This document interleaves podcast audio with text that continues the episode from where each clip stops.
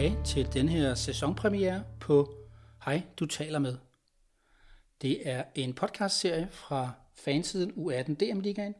Mit navn er Michael Bangvels, og øh, i dag har jeg tænkt mig at sætte fokus på DBU's klublicenssystem. Det er nemlig også i dag, der er givet besked om, hvilke klubber, der skal spille U18 DM i sæsonen 2020-2021. Og øh, så kan man jo spørge sig selv, hvordan og hvem er egentlig kommet frem til, hvem der skal spille der. I stedet for at sidde og gætte, så har jeg tænkt mig at ringe til en, der ved rigtig meget om det. Det er nemlig licensadministrator Per Kenneth Larsen fra DBU. Så lad os ringe op til Per Kenneth og øh, tage en snak med ham om den store licensmanual for pige ungdom.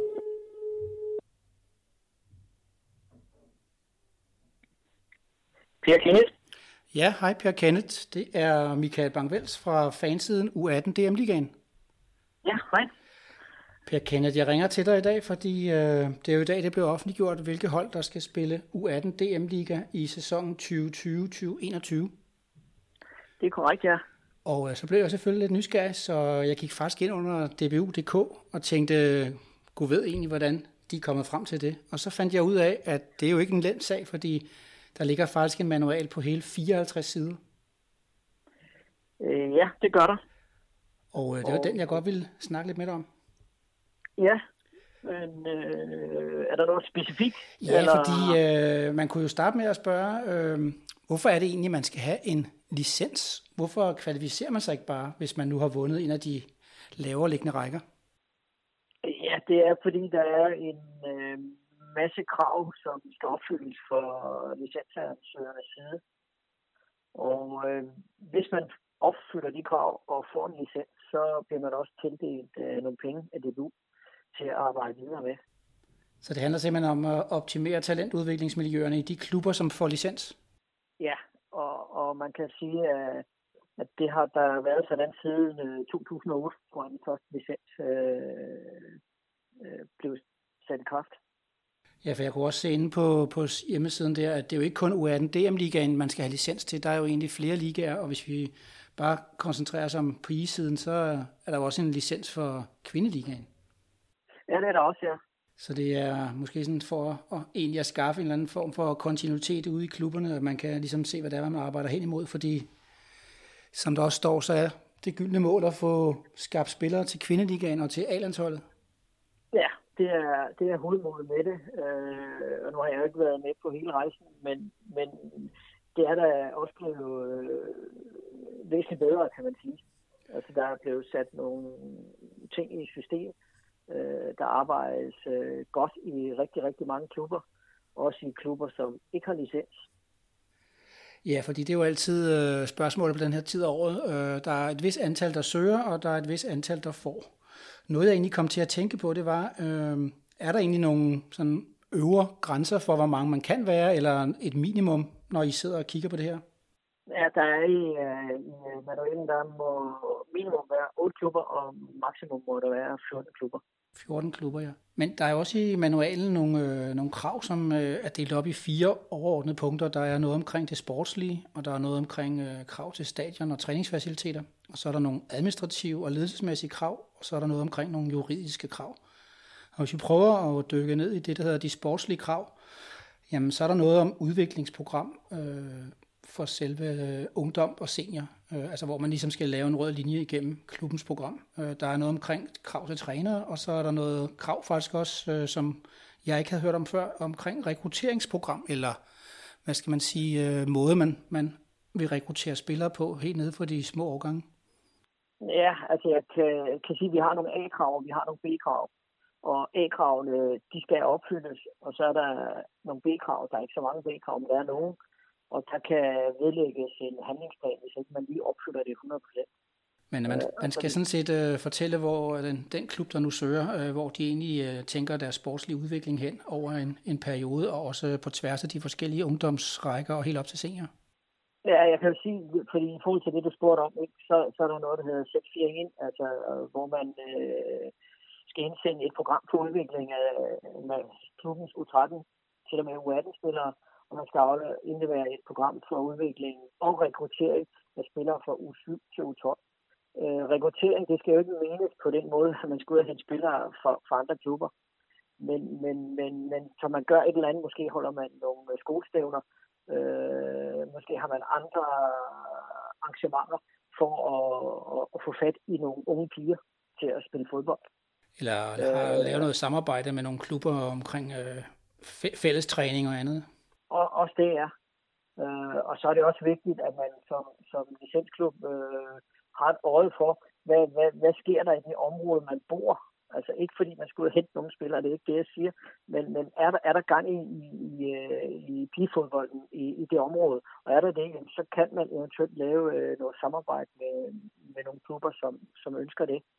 Altså jeg synes jo i hvert fald, når jeg ser det fra... måde, vi får, får løftet det, altså også så man måske fra licensklubben side måske kommer ud i nogle af de såkaldte små klubber og øh, træner.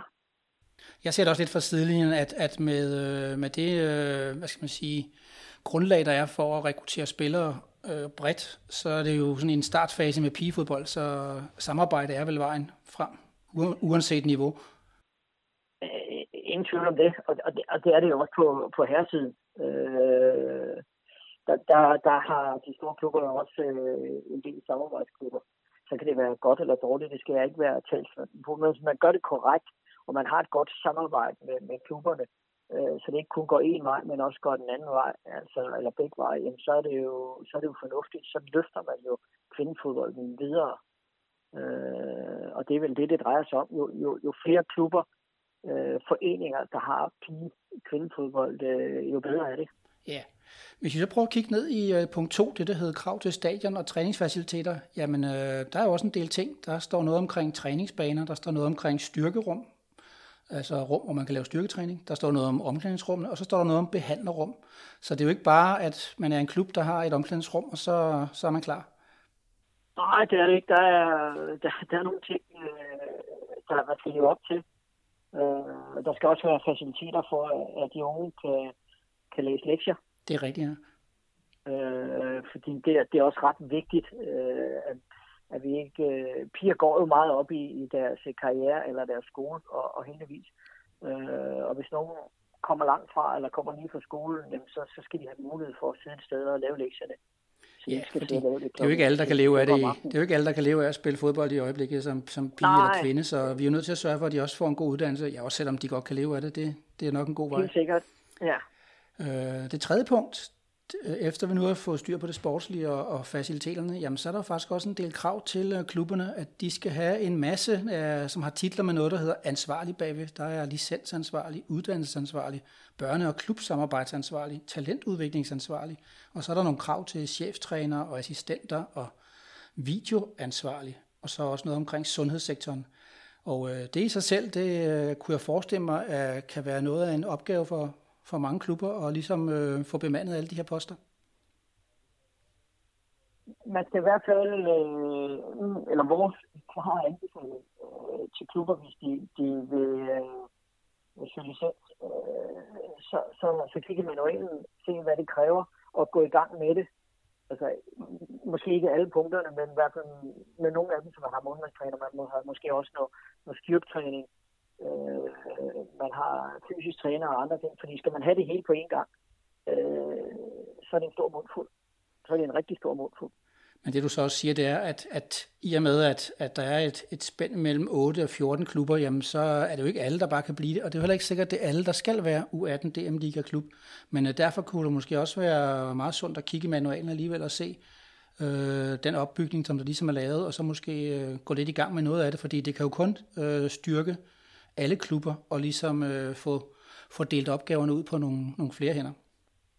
Helt afgjort, og, og det er da også sådan, at jeg inde i min, øh, giver øh, har jeg da også nogle bobleklubber, som, som, som jeg taler ikke løbende med, men jeg taler måske med dem et par gange løbet året, ikke, for at høre, hvor er I henne? Øh, søger I licens i år? Eller hvor, hvor, hvordan og hvorledes kan jeg hjælpe med nogle ting? Øh, og og så har så også været ude og besøge nogle af klubberne øh, og talt med dem. Jeg tænker også, at øh, de forskellige landstræner kommer jo også rundt i klubber, både licensklubber, men de kommer jo også rundt i andre klubber og, og følger lidt med, så der er vel også lidt øh, at, at hente der. Ja, det er der. Altså, jeg tager jo, øh, har jo god dialog med alle trænerne, så, så, så det er fint. Det fjerde punkt, det hedder juridiske krav. Ikke fordi jeg tror, vi skal gå så meget ind i det, men det er noget med, at man skal vedlægge nogle vedtægter om, at ledelsen skal erklære, at man er indstillet på det her, og så er der noget omkring øh, nogle skriftlige retningslinjer om scouting og, og hvad hedder det, øh, hvordan man gør det, og det skal klubben øh, sørge for, at alle trænere er kendt med. Men den behøver vi ikke at gå så meget ind i, medmindre du har noget, du vil tillægge. Nej, igen, øh, den der hedder 923, der, der skriver klubben knædet under på, at de opfylder de krav, og, og de opfylder øh, og de ting, der nogle gange står i manualen. Men øh, Per Kenneth, nu, øh, nu har vi så styr på manualen, og nu er der jo sådan nogle klubber, der har søgt, og, og i, op imod den kommende sæson, der er så 16 klubber, der har søgt, og I har så meldt ud i dag her, at der er 13 klubber, og det er faktisk de 13 nuværende klubber, som skal spille U18 DM i sæsonen 2020-2021. Det er selvfølgelig på baggrund af kvindeeliteudvalgets øh, afgørelse. Men hvordan er det så med de her klubber? Nu har de fået at vide, og nu tænker jeg på de tre klubber, der ikke har fået licens. Øh, de har fået besked om, at de ikke har fået licens. Har de nogle muligheder for at appellere det her? De kan, ja, det er der. De kan bede om at få et uddybende møde med et par repræsentanter fra kvindeeliteudvalget, hvor de så kan stille spørgsmål til, øh, hvorfor fik vi ikke licens, og hvad skal der til. De forskellige krav, ja, som har været. Ja, øh, og, og kvinden eliteudvalget kan også øh, uddybe mere, hvorfor øh, de eventuelt ikke har fået licens. Og efter sådan et møde, hvis de så ikke øh, helt stadigvæk synes, at, at det er retfærdigt, så er der noget, der hedder licensappeludvalget. Ja, det, man kan anke, man kan anke afgørelsen, og det er sådan øh, licensappeludvalget, der har med det at gøre, og det er personer, der ikke har tilknytning til DBU på, på nogen måde. Så det er altså ikke folk, det er folk, der ikke har været med til at træffe den første ja, beslutning? Ja, det er folk helt udefra, øh, som, som har nogle, nogle, ja, nogle af dem er jurister og har nogle som ligesom tjekker, at det hele er gået, det er gået rigtigt til, ud fra, de, er gået, gået rigtigt til, ja. ud fra manualens 54 sider. Der er noget med, at jeg læser mig frem til, at øh, det skal være indgivet 14 dage efter afslaget, man har fået, og så vil man senest den 22. maj, synes jeg, jeg læste til, få en afgørelse fra det her licensappeludvalg, og det er ikke en afgørelse, der kan ankes. Så det vil sige, hvis man ikke får medhold i sin anke, så, så bliver det, som det er. Hvad sker der, hvis øh, licensappeludvalget siger, jamen, øh, det, det er egentlig rigtigt nok, den her øh, appel, I har givet. Øh, træder man så bare automatisk ind i U18 DM-ligaen, eller skal kvinde eliteudvalget så igen ind over? Nej, øh, kvindeliteudvalget ligger jo under licensappeludvalget, kan man sige, og skal, hvis licensappeludvalget mener, at øh, der er begået en fejl, øh, jamen så træder det hold ind.